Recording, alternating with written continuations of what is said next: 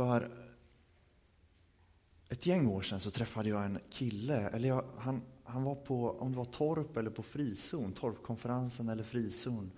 Eh, och, och, han läste högläsning ur Bibeln utan till. Så han hade lärt sig då, då var det, om det var Markus, tror jag, Markus evangeliet, så stod han och läste Markus evangeliet utan till sådär. Och jag blev väldigt fascinerad. Wow, kan man lära sig Bibeln utan till va? Eh, det är ju precis som på Jesu tid. Va? Ehm, så jag var tvungen att prata med honom efteråt. Va? Hur, hur gör du? Hur, hur lär du dig bibeltexterna utan till?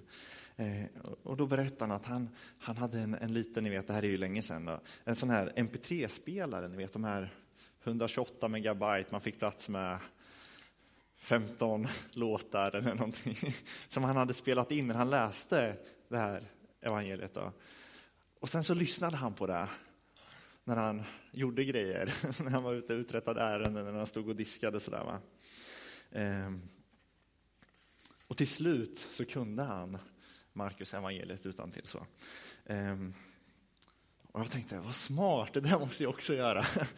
Frågan är bara vart, vart ska man börja? Vad ska man lära sig utan till så? Ehm, det finns ju så mycket bra i Bibeln. Så. Ehm, men så var det någon som berättade att när, när den här personen hade gått eh, eh, en bibelskola på UMU, Ungdom med uppgift, så hade de fått lära sig Filipperbrevet 2 utan till. Jag tänkte, ja men det är väl en bra start. Jag börjar med att lära mig Filipperbrevet 2. Ehm, så här står det i Filipperbrevet 2, Filipperbrevet 2, 1-11. Och jag vågar mig inte på utan till här, utan nu, så, nu fuskar vi. Om det alltså finns tröst genom Kristus, uppmuntran från kärleken och gemenskap från anden, om det finns umhet och medkänsla, gör dem en glädje fullkomlig genom att visa enhet. Lev i samma kärlek, eniga i tanke och sinnelag, fria från självhävdelse och fåfänga. Var ödmjuka och sätt andra högre än er själva. Tänk inte bara på ert eget bästa utan också på andras. Låt det sinnelag råda hos er som också fanns hos Kristus Jesus. Han ägde Guds gestalt men vakade inte över sin jämlikhet med Gud utan avstod från allt och antog en tjänares gestalt då han blev som en av oss. När han till det yttre hade blivit människa gjorde han sig ödmjuk och var lydig ända till döden, döden på ett kors. Därför har Gud upphöjt honom över allt annat och gett honom det namn som står över alla andra namn. För att alla knän ska böjas för Jesu namn i himlen, på jorden och under jorden och alla tungor bekänna att Jesus Kristus är Herre, Gud Fadern till ära. Och det här talade väldigt starkt till mig när jag gick runt och försökte memorera det här. Låt det sinnelag råda hos er som också fanns hos Kristus Jesus. Vilket sinnelag? Jo, ödmjukheten. Va? Sätt andra högre än dig själv. Lev utan självhävdelse och fåfänga. För Jesus hade allt men han lämnade allt för att bli som en av oss och var ödmjuk ända till döden på ett kors. Och det hade ju varit fantastiskt att lära sig det utan till sådär. Um, om jag inte hade bott i ett kollektiv tillsammans med sju andra personer. Ni vet just den här... Ni vet, när man, när man står och försöker lära sig om ödmjukhet samtidigt som man tar disken för den här slarviga personen jag bor med som inte hade diskat efter sig. Va? Det hade varit mycket lättare att lära sig någonting om Guds storhet utan till så. Det var så ofta som man, ni vet när man bor ihop med människor, man blir irriterad på varandra. Och så står man där och så gör man det här onödiga arbetet, tycker man, som någon annan borde göra. Och så lyssnar man på Filipperbrevet 2 om och om igen. Va? det liksom, man blir liten som människa där någonstans. Just det, man, man konfronteras med sin egen irritation. Sådär, va? Bibelordet blev minst sagt levande för mig. Så upptäckte jag det här att det är lätt att prata om ödmjukhet. Det är lätt att tro att man är ödmjuk när man är själv. Men att stå och lyssna på Jesu undervisning om ödmjukhet när man lever tillsammans med andra människor. Superjobbigt. Varför är det jobbigt? Varför är det inte enkelt att leva för andra? Och men när man lever tillsammans så måste man underkasta sig varandra. Man måste underkasta sig gemenskapen och sätta andra före sig själv. Det var inte jättelänge sedan, men jag kommer ihåg för ett gäng år sedan när man tog kort på sig själv, då blev man kallad narcissist. Va? Och det här har, man ju, har jag hört predikningar om när man kritiserar narcissismen. Idag så kallar vi det inte narcissism längre, idag kallar vi det Facebook. Va? Och det är en vardag för oss allihopa. Va? Vi, man lever ett liv där man här, står i centrum för sitt eget liv. Vem skulle jag annars ta kort på om jag inte tog kort på mig själv? Um, men vi har kommit att leva liv som är så fokuserade på oss själva. Och det här är någonting som Bibeln varnar oss för, någonting Bibeln utmanar oss i. Det står så här i Andra Timoteusbrevet 3, vers 1-4. Där ska du veta att i de sista dagarna blir tiden svår. Då kommer människorna att tänka bara på sig själva och på sina pengar.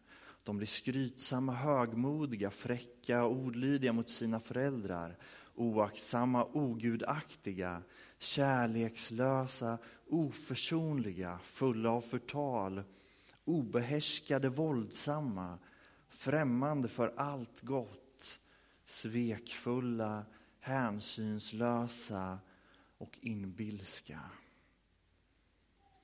I den sista tiden så blir det svårt, för människorna kommer bara tänka på sig själva.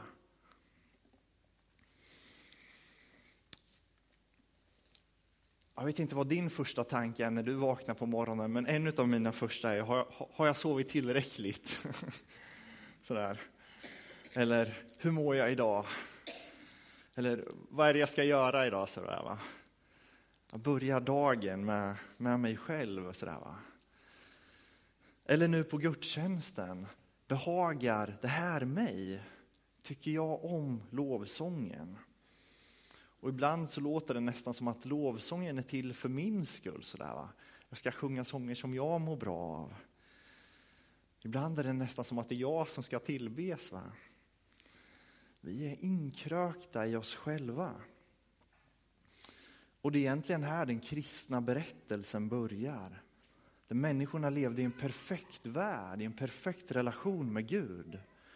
Men så ville människorna själva bli Gud så åt vi av frukten och satte oss själva i första rummet. Den sista tiden blir svår, för då ska vi bara tänka på oss själva.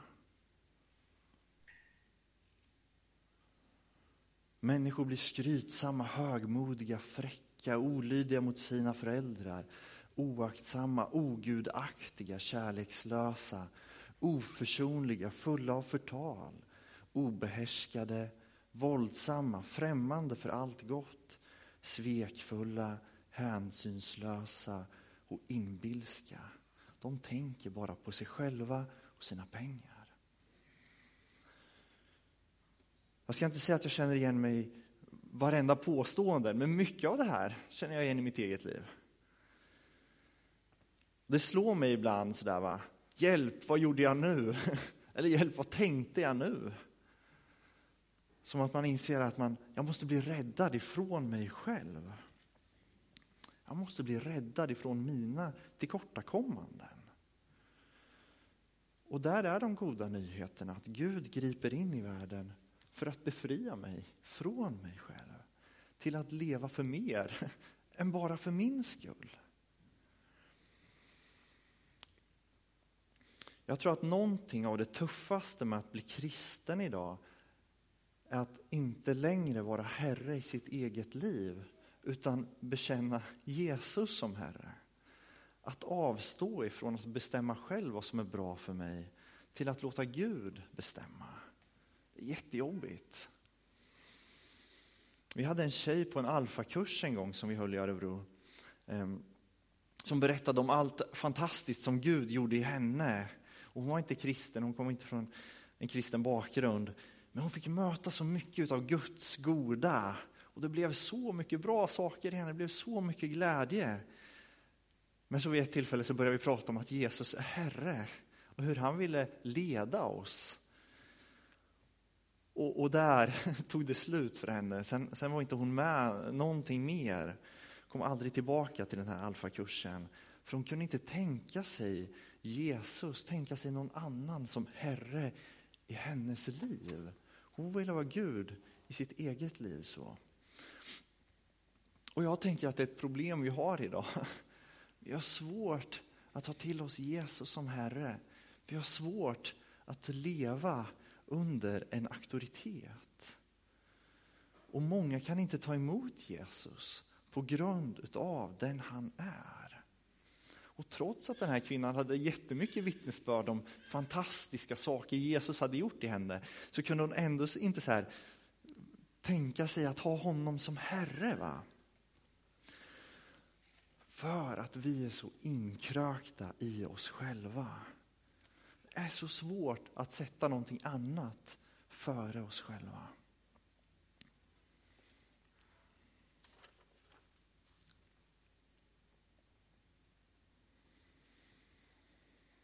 Jag tror att det här är en, en, stor utmaning för oss idag. Vi är så tränade att förhålla oss kritiska, att det till och med när, när vi läser Bibeln va, är svårt att ta emot Guds ord in i våra liv. Jag kan känna igen mig i den rike ynglingen ibland. Va? Man kommer till Jesus och så ber man om råd och så slår man upp i Bibeln och sen står det någonting och så känner man att Nej, men det där var nog inte till mig. Va? Sådär. Det är ju som att vi bekänner Jesus med våra läppar, med våra hjärtan är någon annanstans. Och där måste vi fråga oss själva, men hur går det då? Lyckas vi själva? Klarar vi av att rädda oss själva? Och här är Bibeln full av berättelser om människor som försöker. Människor som försöker ordna upp sina liv men som kommer till korta. Och, och till och med de, de, de största personerna i, i, Bibeln gör ju det här gång på gång. Jag tänker på, på kung David till exempel. Va? Den store kungen. Eh, ni vet när han ser Batseba. Eh, han bara måste vara nära henne så. Trots att han själv är gift och trots att hon är gift. Eh, vad gör han? Lyssnar han till Gud hur han ska hantera det här? Nej, utan han agerar ju på sitt eget sätt. Va? Och så befaller han henne till sig och så blir hon havande. Och sen uppstår ett nytt problem. Så här, hur ska jag hantera det här nu då? Så lyssnar jag in Gud hur jag ska hantera det här? Nej, utan istället så agerar David för att, för att hennes man ska bli dödad, va? för att osynliggöra sitt felsteg. Eller Abraham som kanske är en ännu viktigare person i Bibeln.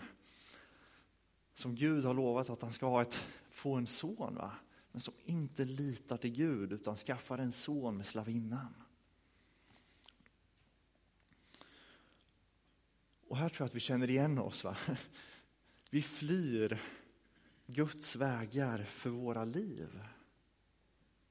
Varför gör vi det? Varför gör vi det? Gud är god, han älskar oss och vill oss gott. Och de goda nyheterna är att han befriar oss, var och en som vill, ifrån oss själva. Vi har under fyra söndagar ställt frågan, vad vill Jesus göra i mitt liv? Och jag har svarat lite olika på den frågan utifrån Galatiebrevet. Men han vill föda ödmjukhet och självbehärskning. Varför vill han föda ödmjukhet och självbehärskning? Jo, för att vi inte är skapade med att leva med oss själva för ögonen, utan andra människor. Vi är skapade att följa Gud. Men sen Eden så har vi försökt att vara gudar i våra egna liv.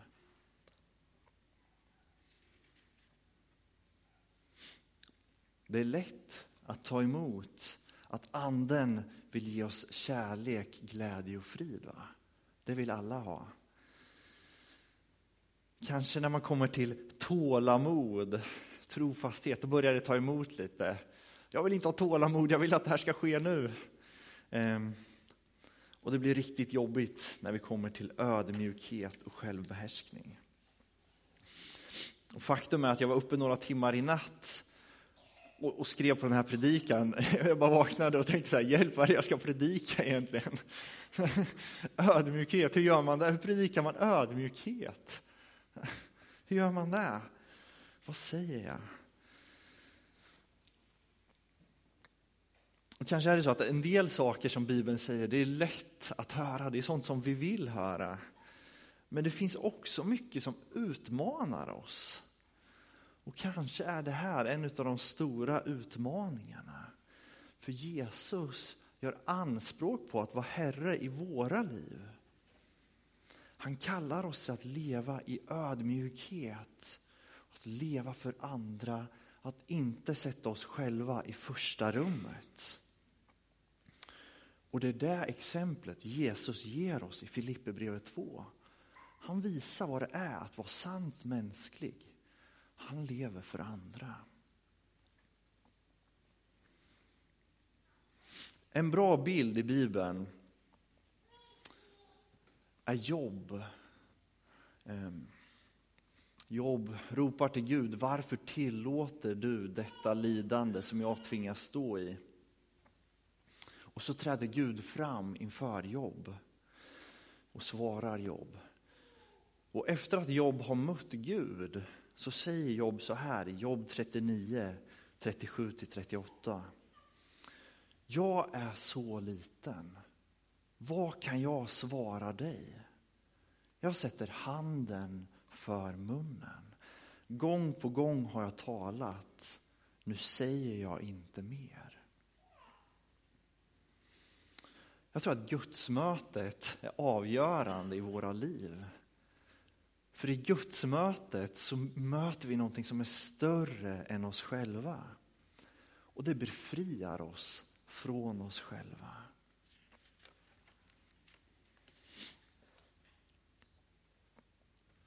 Och jag tänker att det är det vi gör. Det är det vi söker när vi möts till gudstjänst. Vi söker bortom oss själva. Vi söker efter Gud. Och här tror jag att lovsång till exempel, lovsång är en verklighetsterapi. Det befriar oss från oss själva. Vi får lyfta blicken ifrån våra bekymmer och se mot Gud. Det är därför bön är så viktigt. Jag får ropa till någon annan efter hjälp istället för att lita till min egen kraft. Det är därför bibelläsningen är så viktig. För jag får underordna mig Guds ord istället för mina egna tankar. Och jag tror att när vi läser Bibeln så inser vi, och när vi sjunger lovsången så inser vi, och när vi ber de här bönerna som vi kanske inte riktigt tror på, så inser vi att vi sällan sätter andra före oss själva. Det är därför klostren avger enkelhetslöften. De lovar att leva enkelt för att inte luras att tro att de lever för sin egen skull, utan de lever för andra. Och det är därför som ökenfäderna i perioder stoppar in en, en, mun, en sten i munnen.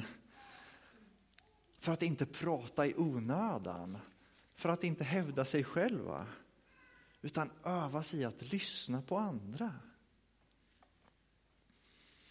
Filipperbrevet 2, 5-11. Låt det sinnelag råda hos er som också fanns hos Kristus Jesus. Han ägde Guds gestalt men vakade inte över sin jämlikhet med Gud utan avstod ifrån allt och antog en tjänares gestalt då han blev som en av oss. Utmanande ord om vi ska ha Jesus som förebild. Men vi behöver ödmjukhet, för vi vet inte bäst. Livet är större än våran vilja. Jag funderar ibland på så här, men var det här en bra gudstjänst? Jag vet inte om du gör det. Idag var det en bra gudstjänst, eller idag var det en sådär gudstjänst. Sådär. När man kommer hem och funderar. Va? Men kanske en bättre fråga skulle vara, tyckte Gud att det var en bra gudstjänst? När Guds folk samlades, trivdes Gud i gudstjänsten? Och när vi läser Gamla Testamentet så ser vi gång på gång hur Gud avskyr när Israels folk samlas för att lovsjunga. För de lovsjunger inte Gud. De offrar, men rökelseoffren behagar inte Gud. Ser vi i Nya Testamentet, i Uppenbarelseboken, där, där de här församlingarna, Jesus, eller, ja, Jesus vill spotta ut församlingen ur sin mun. Eller han berättar att jag kommer som en tjuv om natten till den här församlingen. Eller jag ska föra krig emot den här församlingen. Och de här församlingarna, var de så korrupta som det låter? Jag undrar det. Jag undrar om inte de tyckte så att ja, men vi har bra gudstjänster där. Vi är en god gemenskap. Va? Hur står det egentligen till hos oss? Blir Gud förhärligad i våran gemenskap? Funderar vi på när vi kommer hem ifrån gudstjänsten eller när vi kommer hit. Idag vill jag att Gud ska få bli förhärligad genom min lovsång. Där. Funderar vi på hur kan jag tillfredsställa Gud med mitt liv?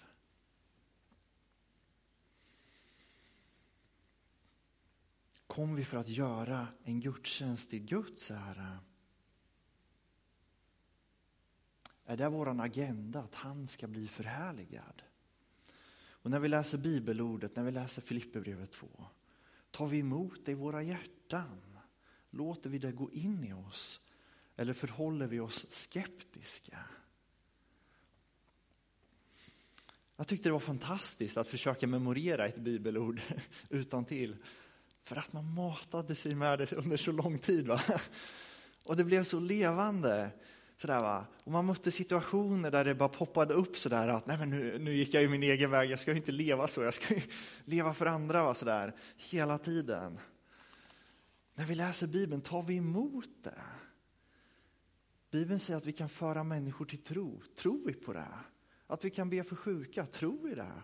Att jag kan profetera, tror jag det? tar vi emot det Bibeln säger till oss? Jag tror att Gud önskar att vi tar emot hans ord. Jag tror att han önskar att Guds ord ska få forma oss. Adam och Eva, de tror Gud om ont. Gud undanhåller saker. Därför vill de själva vara gudar. Men det är lugn, en lugn från Satan, från ormen. För Gud vill gott, han vill dig. Och när vi läser Guds ord så är det Guds ord till dig.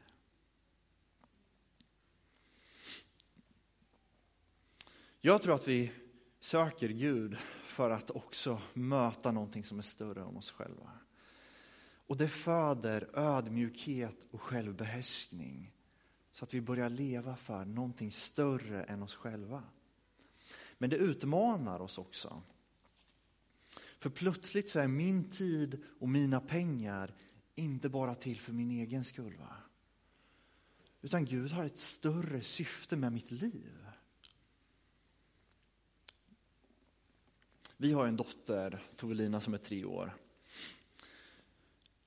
Och det krockar väldigt ofta hemma. Hon vet ju, hon vet ju alltid bättre. Va? Sådär. Man behöver inte gå och lägga sig. Man behöver inte ha kläder på sig när man ska gå ut i snön och leka. Va? Det är okej okay att kolla på tv hela dagarna. Så här. Och så försöker jag och Emily hjälpa henne till ett till ett, vad vi tänker, men det här är ett godare liv för dig. Så där, du kan inte leva ditt liv så här, du måste så här, du är tre år så här. Men det gör så ont i henne när vi försöker hjälpa henne. För det tar på hennes stolthet. Så här, va? Nej, men det här, så här vill jag pappa. Nej, men gör så här. Så här aldrig så här, om pappa säger någonting, då är det motsatsen. Va? Det är ju trots åldern. Och hon är tre.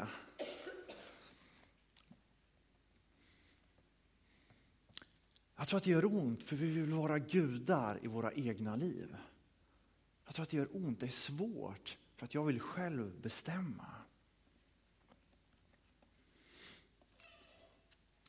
Det finns mycket man skulle kunna säga om ödmjukhet. Jag ska sluta nu.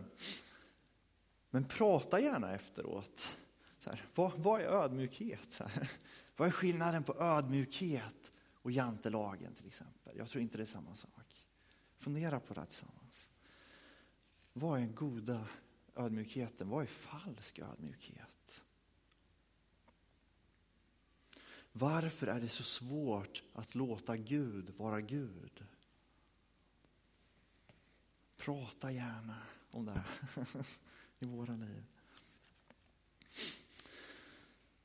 Jag vet inte vad du kommer att tänka på när jag delar de här bibelorden, men kanske finns det någon som, som blir påmind om att nej, men jag, jag är inte helt trygg i Guds vilja för mitt liv.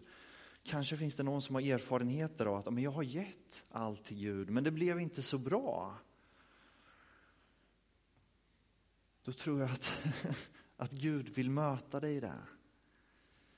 För det finns så mycket som vill förstöra våra liv. Men Gud är inte en av de sakerna som vill förstöra ditt liv. Kanske finns det någon som blir påmind om att det är svårt att sluta vara Gud i sitt eget liv. Och det är inte så konstigt, för det är ursynden. Det är den första synden mänskligheten begår. Man själv vill vara Gud. Men det är därför vi samlas varje vecka. För att öva oss i att sätta Gud först. För att omge oss av människor som vill sätta någonting annat än sig själva först. Och kanske att du skulle fatta ett beslut att, att göra någonting konkret för någon annan veckan som ligger framför. Någon på jobbet, någon granne. va? Ja, men jag måste bli fri från mig själv. Ja, men gör det. Bli fri från dig själv. Kom på någonting. Gör någonting för någon annan. va? Jesus lämnade himlen för att dö för oss. Vad kan vi göra för människor i våran närhet?